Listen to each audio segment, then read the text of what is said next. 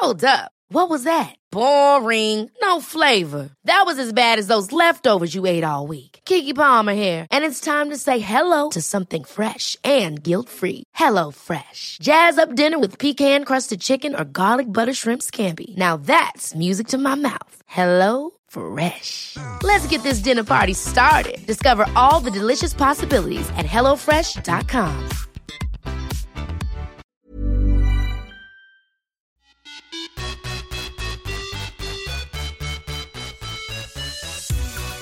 Hej och välkomna till ett nytt avsnitt av Viss och Svärm on the run. Och äntligen säger jag så sitter vi i poddstudion tillsammans i Stockholm. Det var länge sedan nu. Ja, det har jag. Du har varit ute och flängt så mycket. Jag har varit det, jag vet det. Eh, så att vi har varit på distans väldigt länge här nu, flera veckor i rad. Och nu får vi äntligen träffas. Men jag fick ju ingen kram av Sara här när jag kom för hon är lite krasslig. Ja, precis. Jag var ju hemma och vabba förra som ni hörde i podden.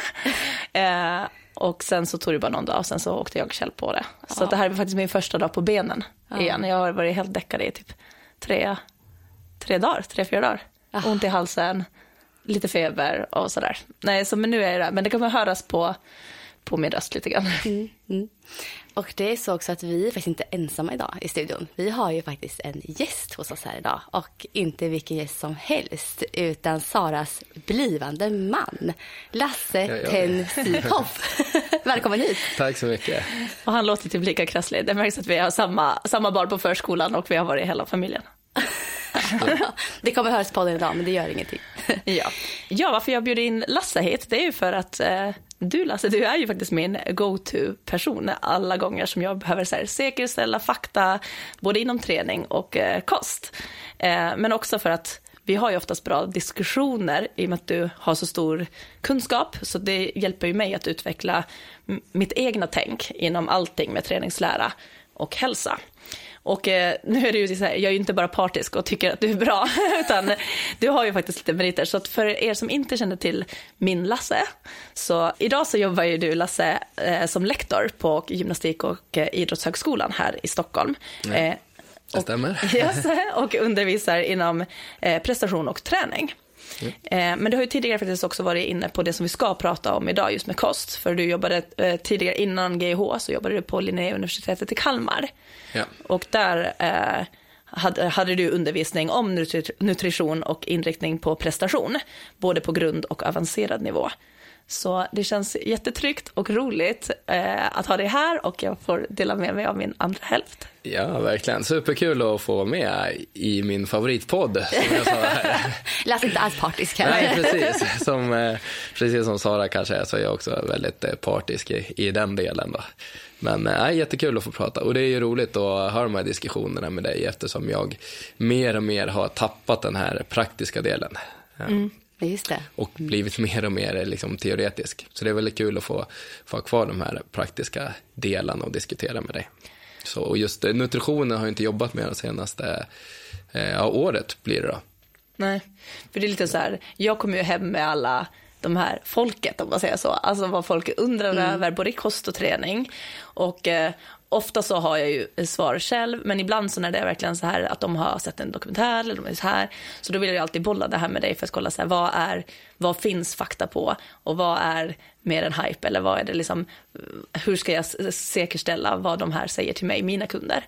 Eh, och det är ju det som är så skönt, för du är ju den som av oss som på kvällarna ligger du och läser typ så här forskningsrapporter och den typ av text.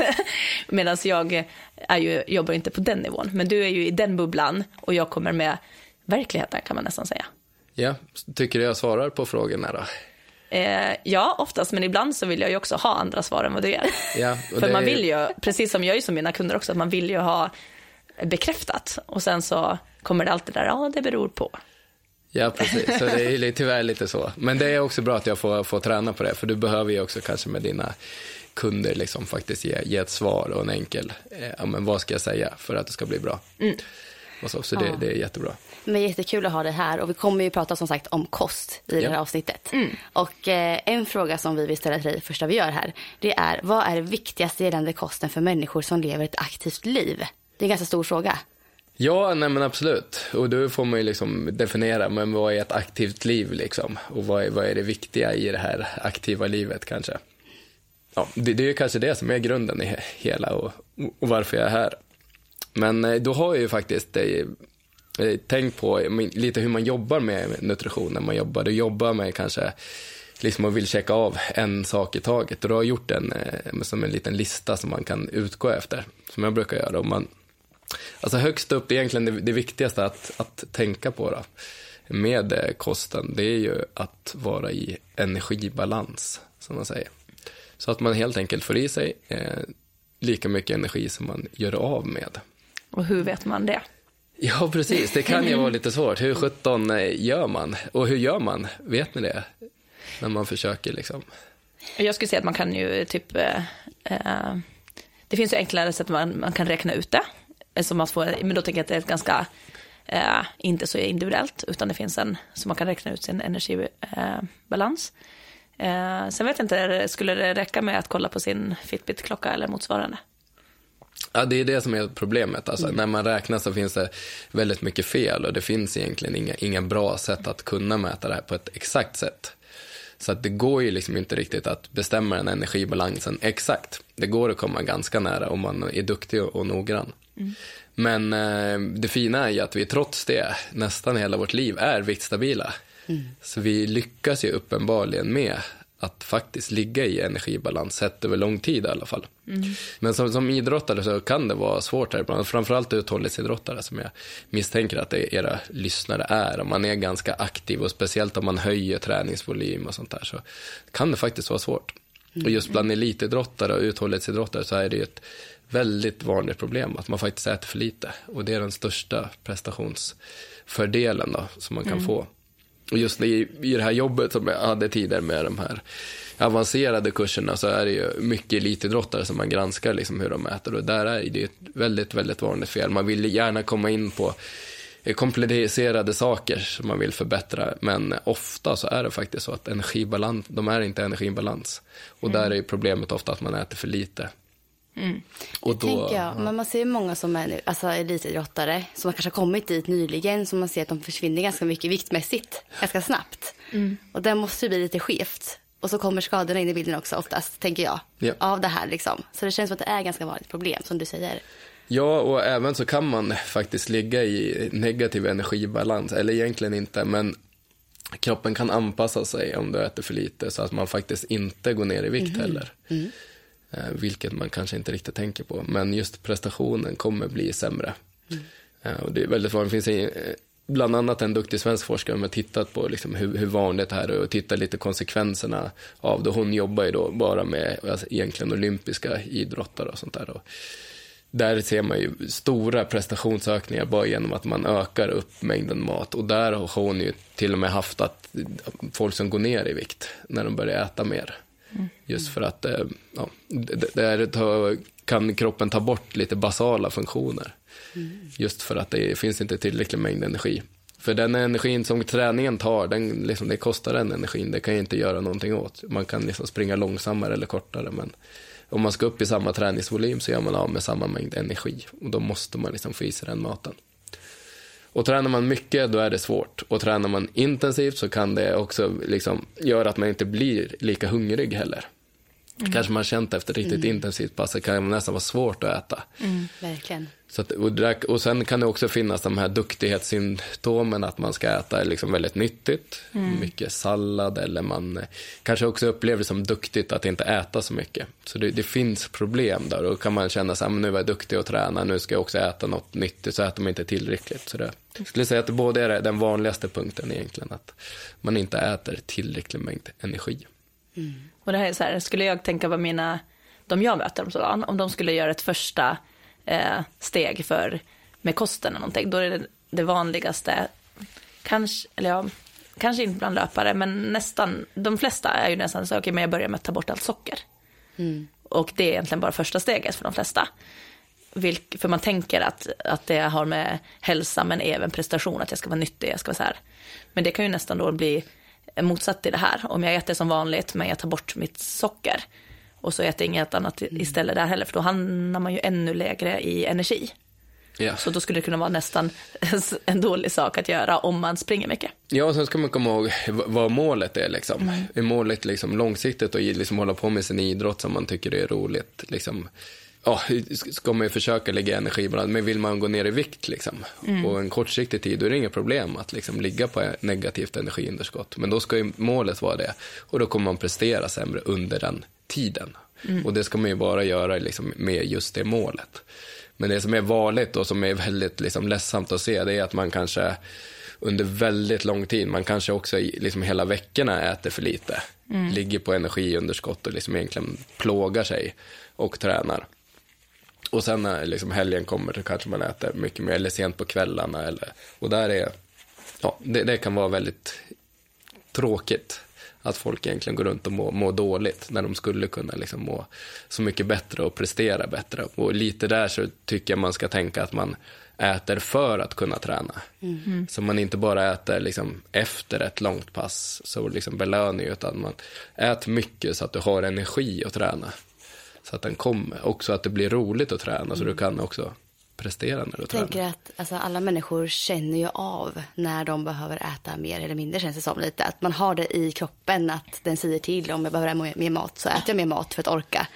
Eller är det så att, är det så att många behöver faktiskt gå till någon expert och få hjälp och analysera eller är, känner man oftast in själv att det här behöver jag eller inte? Ja, nej, men hungern är ju en jättebra mekanism för att känna av det här. Så i nästan jämt så fungerar det jättebra. Mm. Och det kan man ju känna lite. att Jag kan känna om jag tränar hårt så kanske jag inte märker det direkt. Men kanske dagen efter så märker oj vad jag är hungrig. Och då gäller det liksom om tryck på, eller sent på kvällen Aha. så bara, men oj, jag, nu känner jag mig fortfarande hungrig.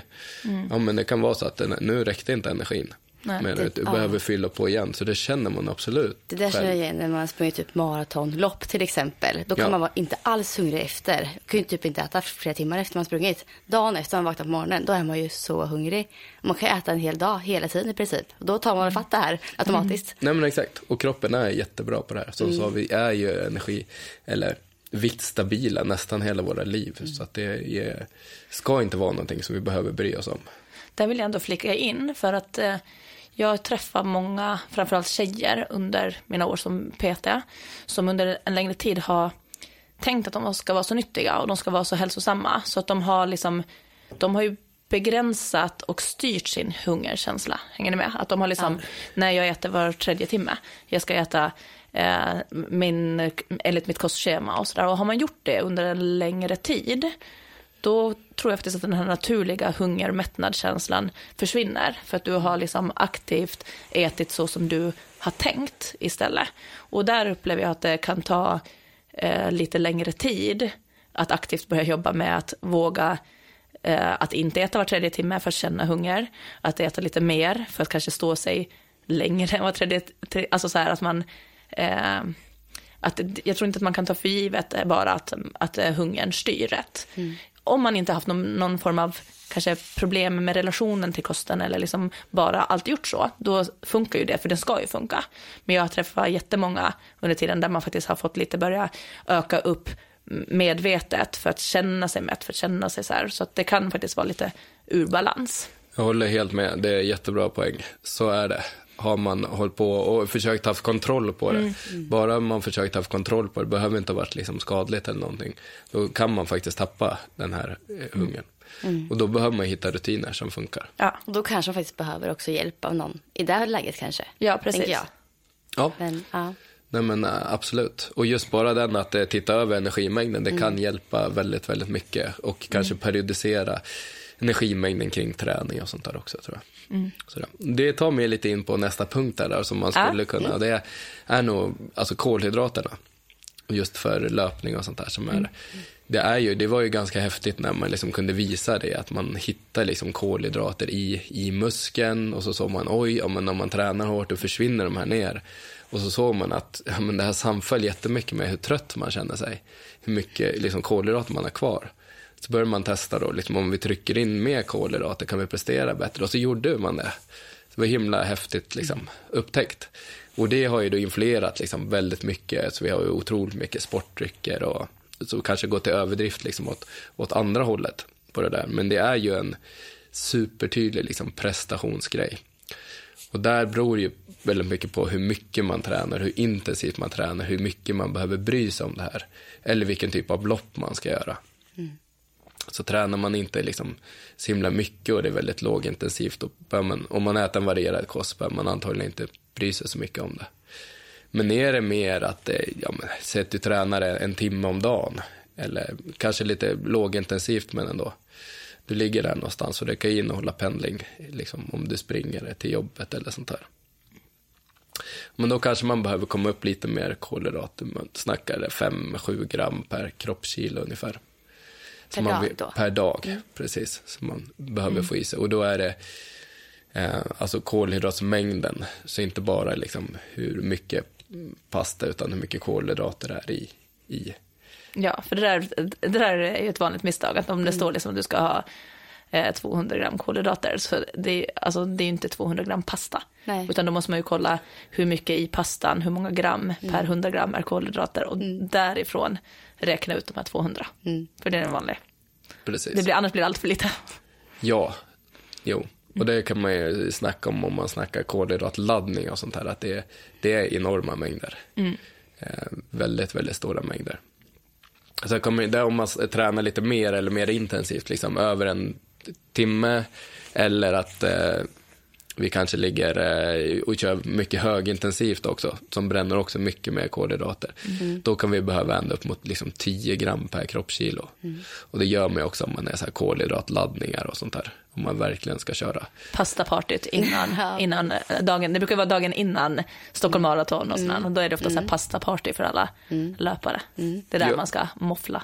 Ja, och det, det räcker nog för liksom, Jag tänker också det. Jag tänker det här med kolhydratuppladdning som var tre dagar innan en period så här skulle man köra. Och ska man först tömma kolhydraterna och ja. sen ska man bygga upp dem igen. Det, det är förbi det här liksom? För det har vi pratat om för typ 5, 6, 7, 8, 9, 10 år sedan i alla fall. Ja, det, det här är egentligen från, från 60-talet alltså, också. Som, ja. Men då kommer jag ihåg att det var jättehajpat just då. Kommer jag ihåg liksom. Ja, men det var också ganska häftigt när de liksom testade och liksom, och det var ju också svenska forskare här från ja. GH då, som ja. gjorde det här och satt och verkligen drog ur kolhydraterna fullt ur, eller så lågt de kunde komma liksom i benen. Och sen så åt man då i tre dagar som det tar att få, få tillbaka hela den här mängden och superkompensera. Yes. Och jag gjorde ju de här i våras, om du kommer ihåg. Ja, han var alltså, med i en studie alltså på GH. Mm. Ja, nej men alltså det är ju inte roligt. För det första att tömma de här och då skulle jag tömma ett ben liksom i taget. Och det tog ju... Så du cyklade ju upp ett ben ja. tills det var liksom tömt. Ay, Gud. Av att inte äta Den första gjorde jag med, med två ben och sånt där. Mm. Men, sen, men det, är ju, det är ju, för det första är det, det var ju fruktansvärt att trycka ut dem där. Det är ju inte roligt någonstans. Jag vet, I den värsta så höll jag på i tre timmar Nej. och körde två minuter, nästan max, två minuter, 50 procent. Det... Och sen var det ju efter på kvällen då, så när, sen skulle du göra de här testerna då också utan energi. För han hade ju tryckt i sig pastan och så här påsar som det stod så här måltid ett, två, tre med så stora pasta som du mm. åt ju innan de här testerna. Sen skulle du göra de här testerna också utan energi. Så då hade han gjort det här testet, cyklat till, till flera timmar, kom hem på kvällen och skulle inte få äta på hela kvällen och inte på morgonen innan nästa test. Och just Nej. då hade jag ställt mig och bakat vaniljbullar. Nej, Sara. så du vet, jag visste inte här så det bara doftade i hela huset så vaniljbullar och han bara, jag går och lägger mig. Ja, ah, gud alltså, kört den där jäkla, jag höll på att gråta. Jag tränar ju aldrig över liksom 45 minuter. Och så får sitta och köra intervaller i tre och en halv timme. Och så armcykling efter det, så höll jag väl på i fyra timmar. Nej. Och sen ta sig hem och du vet allt vårat med båten, med båten och, och komma hem och sen så bara komma hem till ett hus som bara luktar vaniljbulle. det, var, det var inte jättekul faktiskt. Men vad, studien i sig då, vad visade den? Ja, det, det har man inte gjort resultaten. De tittar egentligen på vad som händer med nedbrytningsprocesserna mm. när man har låga glykogennivåer. Så du testade aldrig att ladda upp? En... Jo, det gjorde jag då. Mm. Så först laddade jag benen och sen gjorde jag den här kol, klassiska ja. kolhydratladdningen. Tre dagar med då 10 gram per kroppskilo. Jag väger 80 kilo, så jag skulle äta då 800 gram kolhydrater per dag. Mm. Och det är mycket mm. om man tänker. Alltså just, vi snackade om, vi gillar ju potatis annars här då, eh, mm. hemma. Och där, om jag bara skulle äta potatis så är det ju över fyra kilo potatis per dag. så det är i princip en sån potatissäck liksom, per dag som jag ska äta. Så det är ju otroliga mängder. Och det är alltså över ett kilo torr pasta per dag. Så det, det är väldigt, väldigt mycket som ska ätas. Men det där, vänta, för det där var ju nu för något experiment. Men det där är väl ingenting man skulle behöva göra inför ett lopp? Nej, för att det man gör nu för tiden egentligen, för då gjorde man så, man tränade stenhårt eh, utan att äta, äta kolhydrater och först tre dagar innan, så man tömde helt. Och sen så eh, tränade man ingenting och så åt man väldigt mycket då i tre dagar för att få, då fick man högre glykogennivåer. Problemen där var dels att man eh, risk att bli sjuk när man tränar väldigt hårt och inte äter kolhydraterna. Eh, den andra är de mentala aspekterna och där är att man ja, men under den här tiden, precis innan när man tränar då väldigt hårt och inte äter, då kommer man ju prestera jättedåligt också. Det kanske inte är det man vill känna liksom, dagarna innan lopp som man gör. Så det man gör istället nu för tiden, man har ju en så här naturlig liksom, nedtrappning, en formtoppning, att man tränar mindre och mindre, som ni har snackat om Ja. också här veckan innan, liksom bara lugna, träna mindre och mindre och mindre. Och så istället så äter man mer och mer och mer under den här tiden. Men, och där liksom, för oss vanliga så behöver man inte alls trycka så där mycket heller, utan det kan räcka där. Sista dagen kanske trycka upp där, ja, men, upp mot 10 gram kolhydrater. Det, det kan ändå vara värt. Om man ska springa ett halvmaraton i alla fall. Eller, Mm, eller längre så ja. Så egentligen är det att våga, det här som vi säger ofta, att våga dra ner på träningen, men att då samtidigt komma ihåg att inte dra ner på kosten, bara för att man kanske får mindre aptit för att man tränar mindre och sånt. Utan att verkligen vara medveten om att okej, nu ska jag träna mindre, men jag ska äta minst lika mycket ja. fortfarande. Och kanske även om du vet att du ska ha ett riktigt tufft liksom, Mm. pass den här veckan, att man äter faktiskt liksom, kvällen innan ganska bra också och Mm. direkt efter. För efter så är det också ganska bra att få i sig, för det, hur snabbt man återställer med glykogenförråden, alltså det är ju kolhydraterna i muskeln som man har använt som energi, det eh, står i bra relation till hur bra man återhämtar sig generellt. Åh gud, det där behöver jag träna på kan jag säga. Äta efter. Jag tycker det är jättesvårt att göra det ibland. Ja, ja, men det kan det vara. Då kan man bara ta något litet. Det är ingen panik att få i sig något väldigt snabbt. Men se till i alla fall att liksom det stora målet efter är kolhydratsrikt och kanske lite lättare kolhydrater. Så. Och kanske energirikt också, för det handlar också med den här punkt ett, att man måste också komma upp i energibalans. Nästa punkt som jag tror många funderar också på, det är ju liksom den här proteinmängden som det snackas mycket om och som också kanske är väldigt hypat nu för tiden. Och det kommer ju också då från att man ja, men, eh, har, studerat väldigt mycket, ska jag säga, hur liksom protein påverkar eh, träningen. Och egentligen kommer ju mycket från styrketräning då. Att man ser att okej, om man styrketränar så kan man behöva lite mer protein än eh, normala befolkningen. Men där är frågan, liksom, vad är det ens mål? Vad är det man ja, behöver göra? Hur aktiv är man och hur gammal är man kanske? Som är. Och där säger man liksom generellt med de här rekommendationerna att ja, men det räcker med 0,8 gram per kroppskilo och dag. Och uppfyller du liksom punkt 1 eller också punkt 2 med energibalans, då är det ju aldrig några problem överhuvudtaget. Men behövs då för att eh, liksom prestera optimalt, då kanske man behöver lite mer protein. Och liksom, som Svenska Olympiska Kommittén, det är en rekommendation om man vill läsa mer. Så de har väldigt bra rekommendationer tycker jag för, liksom, För olika idrottare också. för Ja, idrottare kan egentligen. liksom. idrottare generellt. Okej. Så har de liksom bra kostrekommendationer. Men kommer det vara samma för mig som kör sprint som Josefin som det är kör maraton? ju. Eller på de rekommendationerna? Eller är Nej, det då olika för? klassificeras de ju efter hur intensivt man, man Ja. jobbar egentligen. Ju det är mer 12 intensivt sekunder det är. Ja. ju mer protein. Ja, eller? egentligen mer, mer kolhydrater och sådär. Ja. Eh, Proteinmängden styrs då, men dels intensitet. Tränar du väldigt hårt, då tror vi att vi behöver mer protein än normala befolkningen. Och eh, den andra är om du liksom vill gå upp i muskelmassa, styrketränare och vill gå upp i vikt, då kan du behöva mer protein. Eh, men också om du försöker gå ner i vikt, så du ligger på energiunderskott, så du inte har uppfyllt den här första punkten, då kan du också behöva mer protein. För det är de här nedbrytningsprocesserna mer. Vi är ju egentligen byggda liksom av, av protein. Men då undrar man hur mycket äter man liksom generellt? Och då har, gör de så här undersökningar och generellt ligger svenskarna på ungefär 1,2 gram per kroppskilo och dag. Och det är ungefär där SOK säger 1,2 till 2,0 säger SOK. Sen har det varit många diskussioner om behöver idrottare mer liksom, mm. än det. Och nu har man väl kommit fram till att just för styrketräning och sånt här så har man sett bättre effekt ända upp till 1,6 gram per kroppskilo och dag mm. som man äter. Så det ger lite bättre än att ligga på de här ja, 1,0 då. Mm. Så då tänker man, men då skulle man ju kanske kunna tjäna på det.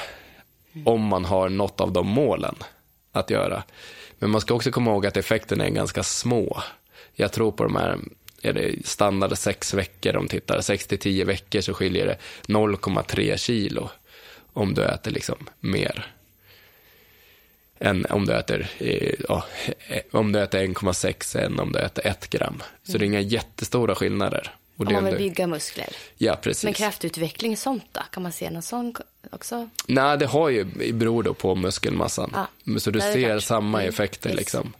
Som på muskelmassan så ser du också på styrkeökningarna och sånt där. Så det är väl det. Och vill du optimera, gör du något av de här så är det ju alltid lättare att kliva upp till den högre. Vi ser inget, finns inget skadligt med att äta mer protein i sig. Mm. Men effekterna är, är, är, ganska små och det är inga problem att få i sig det med en varierad kost. Om man, om man inte, nu kommer jag in på det här med om man inte äter kött. Ja. För många påstår att alltså, ja, protein, man tänker att protein kommer ifrån köttkällor. Ja. Men så är det inte lite, riktigt. Nej, och vi har haft lite frågor kring det här också. Ah. Med, med kring vegetarisk och vegansk kost. Jag tänker, hur vet man att man får i sig det här liksom? Om man inte kanske äter kött? Ja, men, jättebra men... fråga som eh, liksom ofta kommer. Mm. Och protein, egentligen alla livsmedel består av protein också. Ehm, så det ingår i allt. Och till exempel är du idrottare och du äter, du äter automatiskt mer, så då får du automatiskt i dig mer protein. Mm. Så då är det egentligen heller inga, inga problem. Eh, idrottar du mycket så kommer du nästan alltid upp i, i mer än 2,0 eh, ja, gram per kroppskilo och dag. Och även om du äter vegetariskt. Mm. Men det är helt klart så att det blir lite mindre. Kött är ju den som har mest protein i sig per gram. Så det är den största liksom, proteinkällan. Och eh, också att det är lite lättare kanske att ta upp de proteinerna. Men eh, det ska absolut inte vara något problem. Eh, om du äter vegetariskt mm. eller veganskt. Sen är det, så är du vegetariskt och äter som eh, eh, ost och mjölkprodukter, då, då eh, det är också ganska bra mm. proteinkällor sådär. Mm. Så då ska det inte vara ett problem. Sen finns det ju andra proteintillskott som man kan ta som är också helt eh, vegetariska. Mm. Men eh, det finns lite andra saker som man kan behöva tänka på eh, med om man äter, eh, framförallt veganskt. Ju mer saker man utesluter, ju mer måste man liksom tänka efter. Mm. Och kanske liksom ta hjälp om man inte riktigt har kunskaperna själv att eh, se över. Och det är, det är framförallt eh, då eh, B12 mm. som är en vitamin som man kan be behöva se över så att man får i sig. Och ofta tar vi via tillskott. Um, som kan vara viktigt att göra. Och sen kan det också vara vissa vitaminer och, och mineraler som man faktiskt eh, kan behöva titta lite extra på. Så det ställer egentligen lite större krav på att man äter lite mer varierat. Äter du väldigt ensidigt och utesluter mycket saker, då har du liksom en större risk för att hamna i en brist. Så då behöver man fundera lite bättre. Mm. För den andra saken är lite med kvaliteten på protein. Det kan vara bra att ha olika proteinkällor. Mm, just det. Som att mm. kombinera som eh, bönor till exempel med spannmål. För att de har lite olika proteiner som är, är bra i sig. Mm. Så att man varierat så är det inga problem heller. Mm.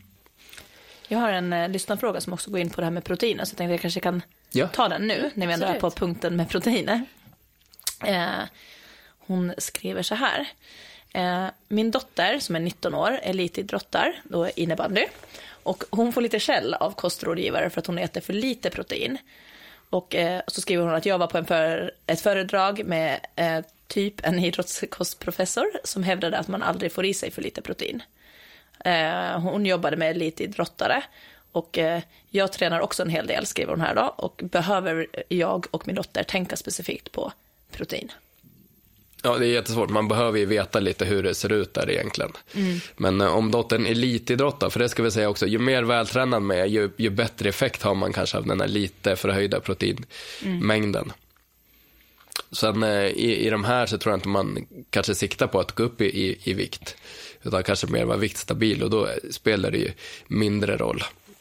Så det, ehm, och den f- poängen som vi sa, om man är i energibalans, nej då kanske inte, oftast inte är ett problem. Så det kommer inte påverka negativt, men du kanske kan bli lite bättre med lite mer protein. Ja. Så att eh, alla kan ha rätt lite, den här typ idrottsprofessorn, Ja. hur man blir typ det. Men Jaha. Men så egentligen det de skulle kunna göra om de vill vara eh, noga, då kan det vara att säkerställa, alltså bara försöka räkna ut lite ungefär så att de vet hur mycket protein hon får i sig. Och eh, kolla att det stämmer överens då med per, vad, vad hon väger. Och så. så det skulle kunna vara ett sätt att bara för att säga att hon åtminstone inte ligger för lågt. Ja, men jag skulle först titta på punkt ett, energibalansen som kommer vara det. Mm. absolut viktigaste för båda två för att kunna prestera. Två, kolhydratsmängden som också kommer vara det viktiga för att prestera. Men sen titta på proteinmängden. Mm. Ehm, absolut, och titta vad, vad ligger de på? Varför tjatar den här dietisten på att de ska ha mer protein? För då, det tyder ju på att om det är en dietist som har tittat på kosten och tycker det är för lite, att de faktiskt ligger för lågt. Sen vet inte jag vad det är, liksom, det är jättesvårt att säga fallet. Nej. Men om dietisten har räknat ut det här, då skulle jag absolut räkna på den än så här ett generellt. För man vet ju inte vilket sammanhang den här, Nej. eh, om det nu var professorn, har sagt det här. Nej. Men proteinbrist i Sverige är inget liksom, problem. Det är inget som staten bryr sig om, för det händer typ inte. Nej. Om du ligger i energibalans. Det är problem typ i Bangladesh när man bara åt ris och inte har något annat att äta. Var vi klara med punkt tre? Då har vi nog löst proteinerna också hoppas jag.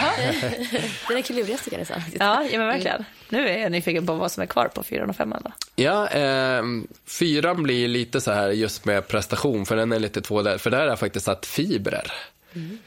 För det är en av de där sakerna som eh, egentligen, eh, ja men, vi äter för lite fibrer i Sverige. Det ser man statistiskt ganska tydligt. Att vi borde äta mer, det borde vi må bättre av. Och det är ju bra för hälsan. Och vi har nästan, det är väldigt få dieter som liksom utesluter fibrer ur sin, utan nästan alla har ju med det. Liksom, ät frukt och grönsaker. Det är svårt att säga att det är negativt på något sätt. Så att, jättebra att äta dem. Men det här finns det ju problem för idrottare. Och speciellt kanske om man springer och inför lopp. Att det kan bli problem med magen. Så här vill man kanske tänka tvärtom som mot kolhydraten. Att man vill ta bort dem runt sina intensiva pass. Tänk till lite, ska du göra ett tufft intensivt pass, försök hålla bort dem, i alla fall måltiden innan och kanske till och med liksom dygnet innan. Att äta lite mindre av de här. Det här känner jag igen mig väldigt väl i. Jag, brukar, Ja. jag vågar inte ge mig på massa fibrer dagen innan jag ska springa ett tufft pass. Eller framförallt inte innan jag kör lopp. Det skulle jag aldrig göra. Så inför maren till exempel så äter jag ju verkligen en väldigt snäll frukost som jag kallar det för. Alltså det är ganska fiberfattigt. Ja. Eh, och lätt för magen att hantera. Nej, och det, det bör man göra. Det finns andra prestationsfördelar med det här också, att man faktiskt kan eh, Eftersom det binder väldigt mycket, de, de finns ju kvar i tarmarna och så binder det mycket vätska också. Så att du kan den faktiskt också eh, liksom tjäna ett halvkilo på att inte äta så mycket fibrer. För att du helt enkelt tömmer tarmarna lite på det. Och det blir mycket lättare att, att, att klara det här. Har du mycket vätska och fiber uppbundet i tarmen när du springer, som är, löpning är ju en jättebelastning på tarmarna. Liksom. Att då kan du få, få problem. Så försök undvika dem i så stor eh, ja, mån det går kring passen. Och speciellt om du typ ska springa ett maraton. Där kan man behöva mixa lite mer, för där kan man faktiskt behöva tänka på det eller 72 timmar innan. Så tre, tre dygn innan. För att faktiskt se det. Men det, det får man känna lite. Vissa är ju helt okänsliga. Ja, men jag vet. De kan ju jätteolika. äta liksom en pizza under ett maraton Ja. och det är inga problem. Men annars så kan man behöva tänka och som sagt det finns nog prestationsfördelar. Och det är ju som du säger fiberfattigt och det som vi kanske tänker som onyttigt. Alltså helt okej att liksom sockra gröten, ät yoghurt med extra tillsatt socker liksom. Och vitt bröd. Vitt Ja, bröd. Vit pasta, ingen fullkornspasta. Och... extra bakverk liksom. Så raffinerat som möjligt liksom, så de har tagit bort. Så det blir ju lite tvärtom liksom, Ja. som man kanske får tänka just kring de här Men perioderna. det är övriga perioder då, tänker jag. Alltså, Ja, alltså- får man inte missa ändå, tänker jag, i kosten. Exakt. I det hela liksom. Så det är det är poängen. Vi äter för lite fibrer, vi behöver få i oss det, men kanske inte just kring de intensiva delarna där, eller precis i samband med pass. Så att man eh, försöker äta mycket olika typer av grönsaker eh, och frukter. Så det, det, är- det är superbra. Men försök äta dem hela också, inte så mycket raffinerade. Det här tycker jag är så himla viktigt att poängtera för att, att man tänker att inte att, att äta bra kost är samma för alla. För jag tycker det vi ser utåt, det är så här, det här är hälsosamt, det här är hälsosamt, det är ju oftast riktat till viktnedgång. Och att då blir det som att man har ju länge trott att så här vitt bröd är förbjudet eller så här. Alltså det är ju den typ av skrämselpropaganda som media nästan ger. Och då är det så viktigt att, att man verkligen kan separera på så här, men vänta vad, vad är målet till mängden, vad är mitt mål? Och verkligen förstå att det är ganska stor skillnad på kost, på prestation och på viktnedgång. För där tycker jag också att jag träffar ofta tjejer, nu, nu jobbar jag mest med tjejer så därför säger jag tjejer, men som tränar prestationsinriktat men äter för, som för viktnedgång. De vill Fast prestera och gå ner i vikt Exakt, samtidigt. fast de, och ibland vill de inte ens gå ner i vikt. Men det är det de har lärt sig att det här är bra mat. Mm. Så att de liksom tränar för prestation mycket, oftast minst fem pass i veckan. Men sen så äter de så som jag skulle be en som vill gå ner i vikt äta. Men de har, det behöver inte vara att de försöker gå ner i vikt ens, men det är det som är nyttig och bra mat. Nu gör jag så här kaninöron här på bra mat. Jo, nej men precis. Och det är det. Man tänker att ja, men nu har jag tränat bra, då ska jag äta nyttigt. Och så säger man, men vad är nyttig mat? Slänger ur det. Då säger folk så här, kycklingsallad. Och det är ju ingen energi liksom. Det är en stackars liksom, liten kycklingbit där, men det är, det är ju, sallad, det är ju ingenting. Och framförallt inga kolhydrater nästan. Nej, precis. Som är punkt två, har vi lärt Ja. oss nu. Ja. Och där är det just för elitidrottare och du tränar mycket av det här så är, då kan absolut vara så att du behöver eh, liksom, sikta in dig på de där bakverken. Liksom. Du behöver äta sånt som är liksom, e- extra lätt att få i sig om du tränar intensivt. Du sa det, jag har jättesvårt att äta efter de här liksom, tuffa passen Ja. eller efter ett maraton. Ja, men vad kan du få i dig liksom? Det är något sånt säkert, något lätt smält tänker jag, något som Ja. inte är för tungt för magen. Ja, men precis. Så det är ju så. Kan man inte äta, men då får man bara hitta vad kan jag liksom få i mig. Och då är det ju de här eh, godis, liksom faktiskt. glass, sådana saker som kanske jag vill undvika normalt, som är, kan vara bra saker. Ja, och sen eh, sist på listan då. Så, eh, spännande. ja, ja, ja. ja och jag freestylat lite, för det här kanske inte brukar vara i, men det är någonting också som jag ser ganska mycket och det egentligen att man ska försöka liksom minska stressen och oron kring kosten. Så har man de stora punkterna redo, då är det ingen fara. Då är liksom allting bra. Har du de andra punkterna något sånär bra, då spelar det ingen roll.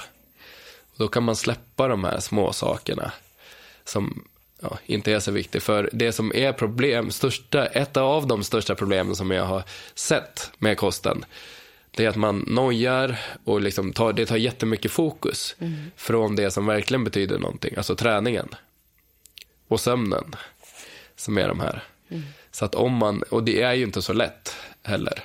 Och det är jättelätt att sitta här och säga att ja, men, eh, det är så konstigt att man äter för lite samtidigt. Men samtidigt får man tänka på att det är jättemånga som kanske vill gå ner något kilo i vikt. Som också har det. Och det är ju jättenaturligt att det är så.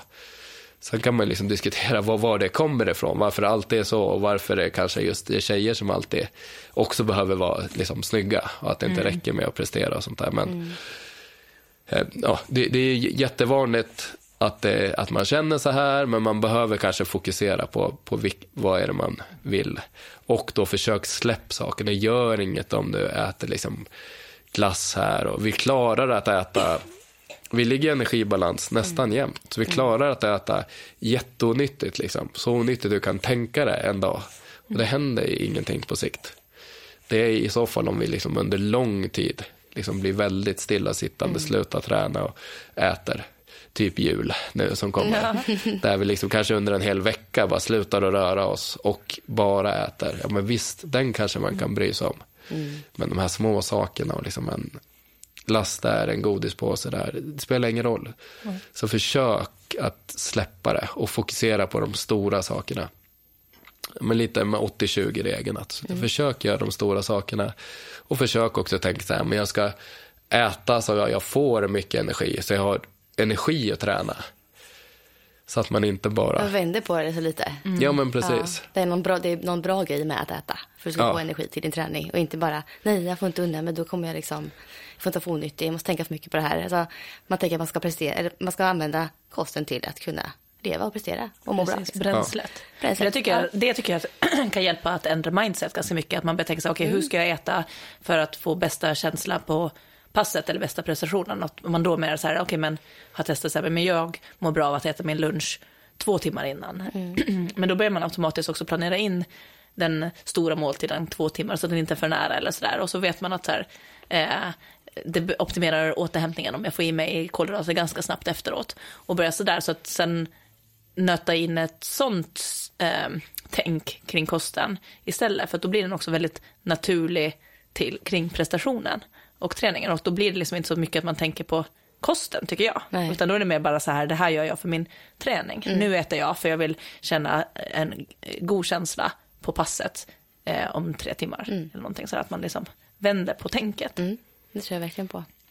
Jag tänker det här, det går också lite in på det här, vi hade en fråga eh, som vi fick in förut, för ganska länge sedan när vi hade frågeavsnitt. Och då var det ju en som undrade just så här, det finns ju så här att ja, om man minskar lite i vikt så springer man snabbare. Nu kan jag inte exakt hur mm. mycket det skulle göra och det, jag tänker det här är också jätteindividuellt om man, är, om man har lite vikt att ta från eller om man redan är eh, ganska låg i liksom fettprocent eller så.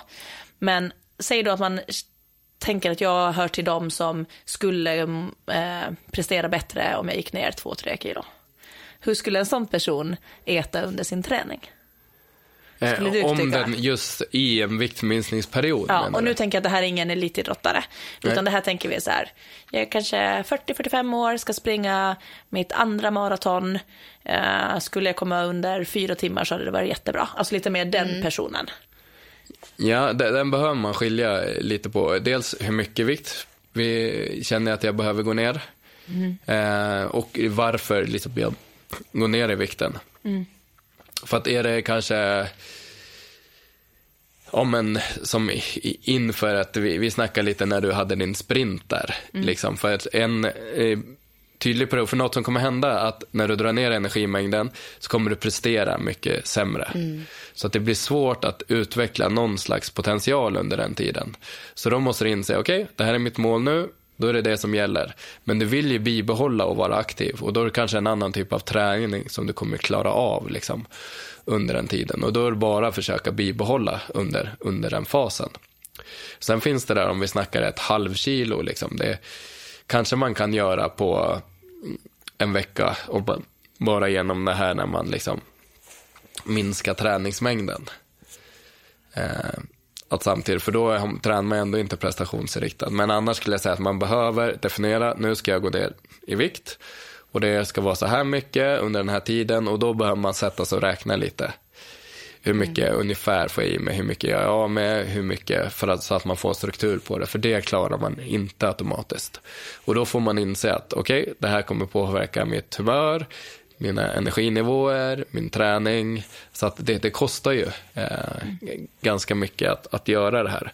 Mm. Det kan vara ganska svårt att bibehålla sen också. Så att eh, jag skulle för den personen mycket hellre fokusera på att genomföra bra träning. Mm. Jag tror det mm. ger mer. Sen kan man göra såna mer enkla saker, utesluta fibrer som då kan ge ett halvkilo. Det kan kännas. Mm. Absolut, det kan påverka. Men sen är det så att olika människor har olika viktförhållanden när de presterar bra eh, och mindre bra. Och olika fettprocenter. Mm. Så att det går inte att säga eh, specifikt där liksom. Man kan se på eh, de bästa maratonkvinnorna kanske, de ligger ända ner mot 12 procent liksom, i kroppsfett. Men då handlar mycket om liksom genetiken mm, eh, redan där. Att de är liksom genetiskt anpassade. De har en kropp som är väldigt specifik för det här. Det betyder inte att du kommer prestera bäst där. Mm. Jag vet att SOK är väldigt duktiga på att jobba med det där. Och där kan de ha duktiga elitidrottare inom konditionsidrotter också som eh, har sin optimala kanske runt 17-18 procent liksom, kroppsfett. Som är deras optimala kvot. Liksom. Vi har fått en fråga om, eller ganska många frågor om morgonträning. Ja, Och jag är också en sån person som springer väldigt ofta, alltid gjort det på morgonen innan frukost. ja. Hur ser du på det? Alltså kan man prestera lika bra genom att inte äta på morgonen och innan? Eller blir det en nackdel? Eh, Lika bra som Som om du skulle äta till frukost. Eh, Ja, ja, men det tror jag mycket är en, en träningssak. Och det är inga problem som... Jag gör också ofta det här om jag springer till jobbet på morgnarna. Och då vill jag ju aldrig äta en, en frukost innan. Liksom. Och den energin som vi har lagrad liksom, i musklerna, som är den som vi eh, liksom, förbränner först. Och den, eh, liksom, de lagren påverkar vi inte genom vad vi äter på morgonen innan. Så det handlar mer om mentala aspekter. Som jag sa där så är det kanske snarare en större risk att vi faktiskt förstör genom att få in massa mat. För det kan bli liksom magproblem där. Om vi trycker in att man känner sig tung. Så att, men det är ju mycket en vanesak. Man kan ju absolut Eh, Är man inte van att träna tidigt på morgonen, om man inte är van att träna utan frukost, då kan det kännas jättetungt. Ja, för många tänker ju så här, men är du knäpps, tränar du innan frukost vid sex? Det går ju inte. Hur klarar du av det? Säger jättemånga till mig. Jag springer Ja. en mil då på morgonen. Ja. Men det, det är väl vanligt Jag hör sak som till, du jag hör till den gruppen. Ja, du hör till den gruppen. Vad, vad Ja, för jag känns, liksom? jag, men det är också en vanesak. Jag tror inte att jag var så förut när jag, var, när jag kanske sprang mer. Jag vet inte. Men för mig känns det ju som att ingenting fungerar innan Nej. jag har fått min frukost. Ja. Så det är typ det första jag gör typ när jag stiger upp. Ja. Så som jag tänker att många känner med kaffen. Ja. Och så känns det bra Säkert. direkt efter fast inte ens kroppen har hunnit- knappt hunnit tagit upp det. Men det är någonting mentalt tror att jag måste få någon, alltså, smaker i munnen och liksom. Men så är det för mig, just med, med kaffen funkar det jättebra. Ja. Så kommer jag igång och då känns det bra. Men eh, sen ska jag men, snacka om vad är det jag ska träna för pass. Jag skulle aldrig lägga ett mitt liksom, kvalitetspass klockan sex på morgonen. Det skulle jag inte göra. Men att bara, som jag, bara springer till jobbet. Liksom, Det spelar ingen roll vad det- klockan, det spelar ingen roll då för mig vilken tid på dygnet det är. Men skulle du kunna springa typ vilken typ av pass som helst klockan sex på morgonen? Innan frukost? Nej. Eller in- känns det in- som att det Ja, inte att du väljer det några? allra tuffaste skulle jag inte springa på morgonen. Och det tuffaste för dig, är det typ i några intervaller? Ja, intervallpass, backlöpning, Mm. något sånt liksom. Jag går oftast ut och springer bara på känslan. Det gör jag i och för sig med alla mina pass, det vet Mm. du Sara. Eh, men börjar ganska lugnt. Ibland så kan jag faktiskt vara ganska pigg på morgonen. Och känner jag att jag kan trycka på, då avslutar jag med att trycka på liksom. Men oftast blir de ganska lugna. Ja. Men om du springer en distans då, alltså typ som kanske oftast blir på helger, Mm. äter du frukost då innan? Eller, och drar du ändå ut sådär tidigt? Jag kan faktiskt dra ut, alltså jag har sprungit två milsrundor har jag gjort. Har du gjort det? Tidigt. Ja, det har hänt. Då har jag haft med mig banan och vatten. Ja, okej. Mm, under tiden. Ja, det tror jag är ett litet trick. Mm. Tricks att känner man lite, bara ta en liten, en halv banan eller vad som helst. Mm. ska räcka med att känna den här söta smaken i munnen för att man vaknar lite. För jag tror en del av det här har med vakenhet att göra. Mm. Ska du göra ett, och det finns ju många liksom, uthållighetstävlingar som börjar väldigt tidigt på morgonen. Mm. Då behöver du ju vara redo, men då kan du inte gå upp en halvtimme innan liksom, och gnugga ögonen. Utan i starten, liksom, sju på morgonen, ja, men då kanske du går upp halv fem Absolut. för att köra den för att vara vaken och då kanske det inte liksom är ett problem. Så det, det är lite olika mekanismer där, men där kan man också träna jättemycket så att, ja, och bli duktigare på att träna tidigt på morgonen. Så det kan vara en vana. För jag tror att många verkligen känner att de skulle vilja köra tidigt på morgonen för att hinna Mm. med sin träning. Så det är, vi säger att det är en vanlig grej till lyssnare för att ni Ja. liksom inte tycker det här känns Alltså börja lugnt i så fall. Precis, bara, liksom, promenad, för- morgonpromenader typ, Ja. kanske innan frukost. Jaha, bara för att känna att det känns bra. Ja, Sen öka på. Mm. Mm, intressant. tycker jag. Och så är det olika hur man är. För mig funkar det också väldigt bra utan frukost. Jag tycker det är skönare. Men andra kanske vill ha något litet lätt. Som Och så du. Men jag med- känner som att jag är mer åt andra hållet med allt det där med mat innan träning. För att jag känner också, jag hade ju inte haft problem med det här som ni sa, typ att äta en pizza precis. Alltså jag hade ju kunnat, jag äter ju ofta för att jag ska hinna träna så kan jag, jag kan lätt ibland träna alltså en halvtimme efter min huvudmål, alltså lunch. Eller någonting. Att Det är typ inget problem, för det beror lite på vad träningen är. Men ändå överlag så känns det som att att eh, hellre att jag äter för nära på än för långt ifrån. För känner jag mig hungrig när träningen börjar, då har jag så svårt att fokusera. Ja, jag har ju lite erfarenhet av att leva med dig. Jag vet att du inte är en, du fungerar inte så bra utan mat helt enkelt. Nej.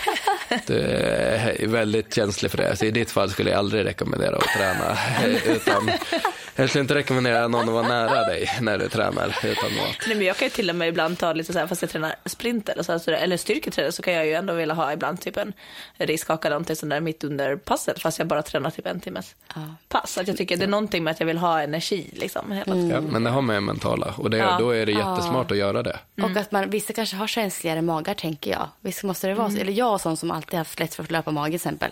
Ja. Jag skulle, det var därför jag började springa utan frukost kanske från början. Jag skulle aldrig kunna få äta innan. Då skulle Nej. jag inte kunna springa. Det skulle bara inte bli av liksom för mig. Nej, men sånt är jätteindividuellt och då behöver man verkligen ha, ha testat ut typ om det är lopp och sånt där. Att man verkligen har en plan som är testad innan. Ja, det är intressant också. Ja. Men, ja, förlåt. Ja, men jag äter ju alltid en Dimor-tablett innan mina långa löptävlingar. Springer jag maraton så måste jag ta en Dimor-tablett innan för att stoppa ma- magaktiviteten liksom. Vad säger du om det? Och det, alltså funkar det så det låter ju eh, som du har ja, hittat något jättebra. Jag har ingen erfarenhet av Nej. det och inte liksom, jag vet inte riktigt vad den tabletten gör. Alltså den stoppar ju upp alltså för mig funkar det jättebra. Innan jag började med det så kunde jag inte springa långlopp. För då ballade min mage ur, vad jag än åt liksom. Det gick liksom inte. Och då kunde jag, jag kan inte springa lång, en maraton utan energi. Nej. Det går ju liksom inte, då, då kollapsar du till slut, det går ju inte. Så då så testade jag att ta en Dimor-tablett som stoppar upp tarmaktiviteten under tiden, eh, under typ ett halvt dygn.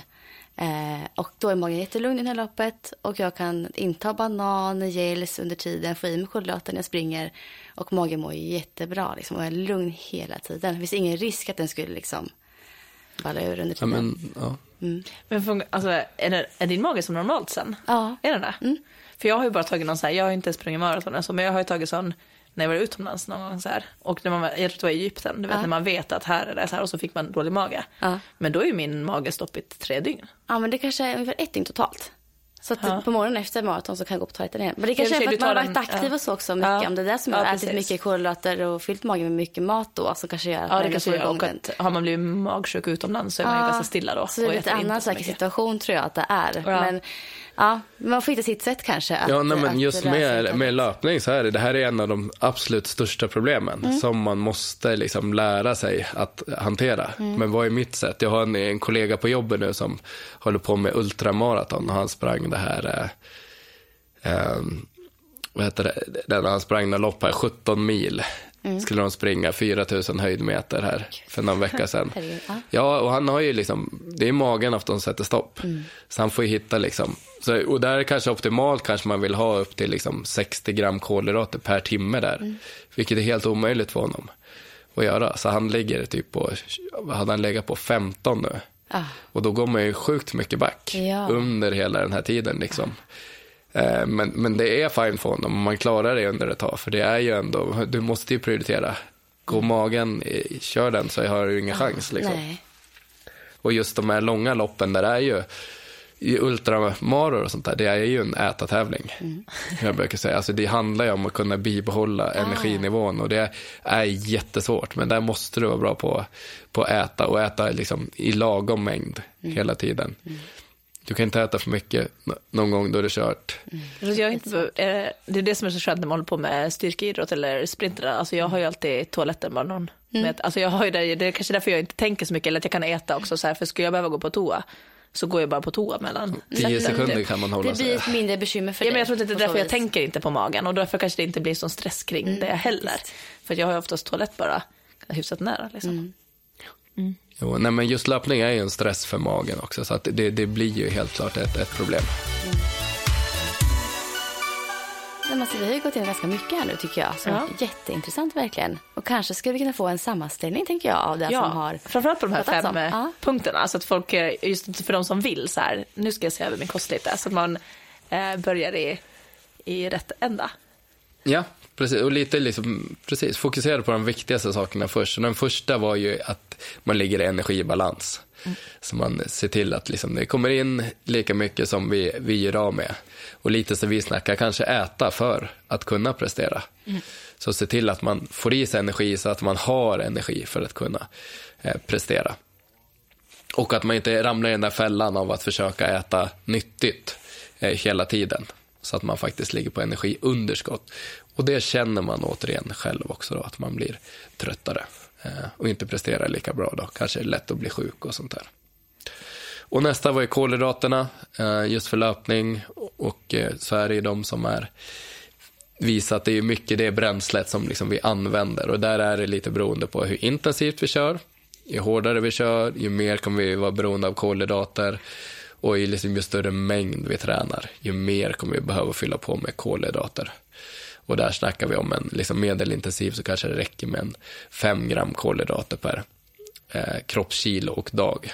Medan om man liksom är väldigt, väldigt aktiv, och de här kolhydratladdningarna dagen innan kanske 10 gram per dag. Och det är svårt det är så svårt att äta så att man brukar plocka bort allt annat. Då. Ja, så satt du med din pasta. Du hade ju typ inga tillbehör på slutet, det var bara lite så ketchup eller någonting så här. Nej, precis, jag fick ju äta annat, men då var jag tvungen att äta det efter. Aha. Och när du har suttit en timme med din mat liksom, och sen när du fått i dig den ska svälja en kolhydratsdryck också, också. då vill du inte titta på någon annan mat. Liksom. Förstår det. Så till slut vill jag inte ens ha pastasåsen på, utan jag bara liksom salta eller häller fett på. Mm. För att få Eh, ja, så det var de två första. Sen snackade vi om proteinmängden. Vi snackade om att det kan, eh, normalt sett kanske vi ligger på 1,2 gram per kroppskilo dag och att det kan finnas prestationsfördelar att gå upp ända mot 1,6. Man har inte sett något mer än så. Om man inte ligger i en, på energiunderskott, tränar extremt tufft, alltså väldigt muskelnedbrytande eller liksom försöker lägga på sig muskelmassa. Eh, då kanske det kan finnas upp till den gränsen. Men normalt sett inte något man behöver bry sig om att göra. Vi snackar också om att veg veg vegetariska källor går också jättebra och att äta. Man kanske behöver äta lite mer. Men, eh, och de kan också vara lite energifattigare ibland och mm. mättande eftersom det finns så mycket fibrer i som vi snackar. Mm. Där blir det inget problem att få i sig fibrer. Det blir problem att man får i för mycket fibrer kanske just med om man äter. Och då äter lite för lite för att man blir mätt lite exakt, tidigare. Exakt, mm. så där kan man behöva trycka lite extra och kanske äta de här mer fibersnåla källorna. Ja, precis. Mm. Så att se till runt passen att försöka äta lite mer typ vitt bröd mm. och sånt. För det var ju nästa punkten där fibrer, att de kan mm. vara problematiska kring eh, de hårda passen och kring tävlingar framförallt. Försöka undvika att äta mer processad raffinerad mat. Mm. Men däremellan få i sig fiber? Ja. För den var viktig för hälsa också? Ja, precis. Det är en av de tydliga sakerna, det tydligaste nästan som man ser med svenskarnas kost. Vi äter liksom för lite fibrer mot vad vi tror är bra. Mm. Komma upp i. Och den sista var att försöka minska stressen och oron kring kosten. För det kan vara, kosten kan ta väldigt mycket fokus. Och det är egentligen då träningen som kommer göra oss bättre med allting så är träningen har mycket större effekt och även så på proteinmängden. Så här, ett styrketräningspass har större effekt än mängden protein du äter. Mm. Så det är mycket viktigare att satsa energin på det. Mm. Och innan vi släpper iväg det Lasse så måste du faktiskt också svara på dina favoriter. Just Som vi har till Oj. alla gäster. Jag måste kolla på den där fusklappen där sen. Ja. Ah. nu kommer du få svara, eh, korta svar på dina sex favoriter. Och den första då är ditt favoritlöppass. Alltså vilken typ av löppass tycker du om att springa? Eh, ja, alltså, men jag gillar ju att springa snabbt. Mm. Det gillar jag. Eh, jag är inte lika, snabbast i familjen. Inte lika snabb som dig. Nej, precis. Jag önskar, jag har alltid önskat att jag vore så snabb. Men eh, ska vi säga något lite favoritpass? Men ni hade, jag körde ju något som ni snackade om här på podden, de här intervallerna som stegrar sig neråt. Till fyra, tre, två, en minut, tror jag det var. Och Vad sen, annars kanske? Och jag minns inte vem som Ja, och sen gick man, eh, man kanske körde två runder. Ja. Så, för jag gillar ju att kunna springa ja, men, så, så snabbt jag kan liksom. Mm. Men eh, och jag ogillar de här korta vilorna som de här eh, distanslöparna har emellan intervallerna. Ja, tröskelpassen typ. Ja, ja, men nu kör vi liksom 200 så här, med 30 sekunders vila. eller, med eller den här, joggvila. Vad är ja, det? Exakt, jag vill ligga i ett hörn i tio minuter mellan. Så att, men någonting där man springer fort i alla fall. Mm. Din favoritövning i gymmet? Oh, ja men jag gillar ju tyngdlyftningsmomenten. Så att, eh, ja men ryck, det är det roligaste som finns, mm. tror jag, i gymmet. Och då kommer din favoritdistans? Eh, löpning tänker Ja. vi nog då. Ja, eh, men eh, kanske fem kilometer. Eh, tror jag. Ja, fem kilometer. Sen har vi ju en som är ditt favoritlopp. Det är inte mycket lopp du har sprungit, men tävling kanske? Crossfit till exempel? är Men Han sprang. favorittävling? Ja, jag springer inte jätteofta som Nej. sagt. Men du har sprungit ett lopp i år? Ja, Jag, sprang ett lopp i år och det var i, första gången på tio år tror jag. Så jag sprang Det var ett lopp. första gången jag eh, var med och hejade på Vad var det för ett lopp? Eh, Det hette Mental Health Run, så det var något sånt här välgörenhetslopp Mm. som någon på jobbet var med och, och arrangerade. Okej, eh, då har vi din favorit pepplåt. Åh gud. Och du vet den här spelas ju i slutet på, på avsnittet. Ja, nej men eh, ja, jag gillar ju musik på 90-talet. Sen vet jag inte vad som hände där emellan. Så att det var väl, det måste ju bli Eye of the Tiger då, i så fall. Ja, en riktigt klassisk. är, eh, ja men precis, som man spelade sönder på 90-talet när man försökte träna. Nu bänkade i gymmet. Ja men precis, sprang i, i snön hemma i Dalarna. Och, ja. Härligt. Ja, men det var lite bra svar på frågorna, eller hur? Den är kvar. Är den kvar? Ja. Vilken då? Ja, just det. Din favoritsyssla när du inte tränar? Ja, men jag gillar ju att göra ganska mycket grejer. Va? Odling och vara på gården och, och härja tror jag. Var ute mycket. Mm, härligt. Vara var ute mycket. Precis, det, det gillar jag. Tusen tack att du kom hit och hjälpte oss med det här avsnittet. Tycker det blev Ja, jättebra. tack så jättemycket. Superkul. Då så hörs vi väl jag och Sara nästa vecka igen. Yes, det gör vi. Ha det fint. Ha det bra. Hej då. Hej.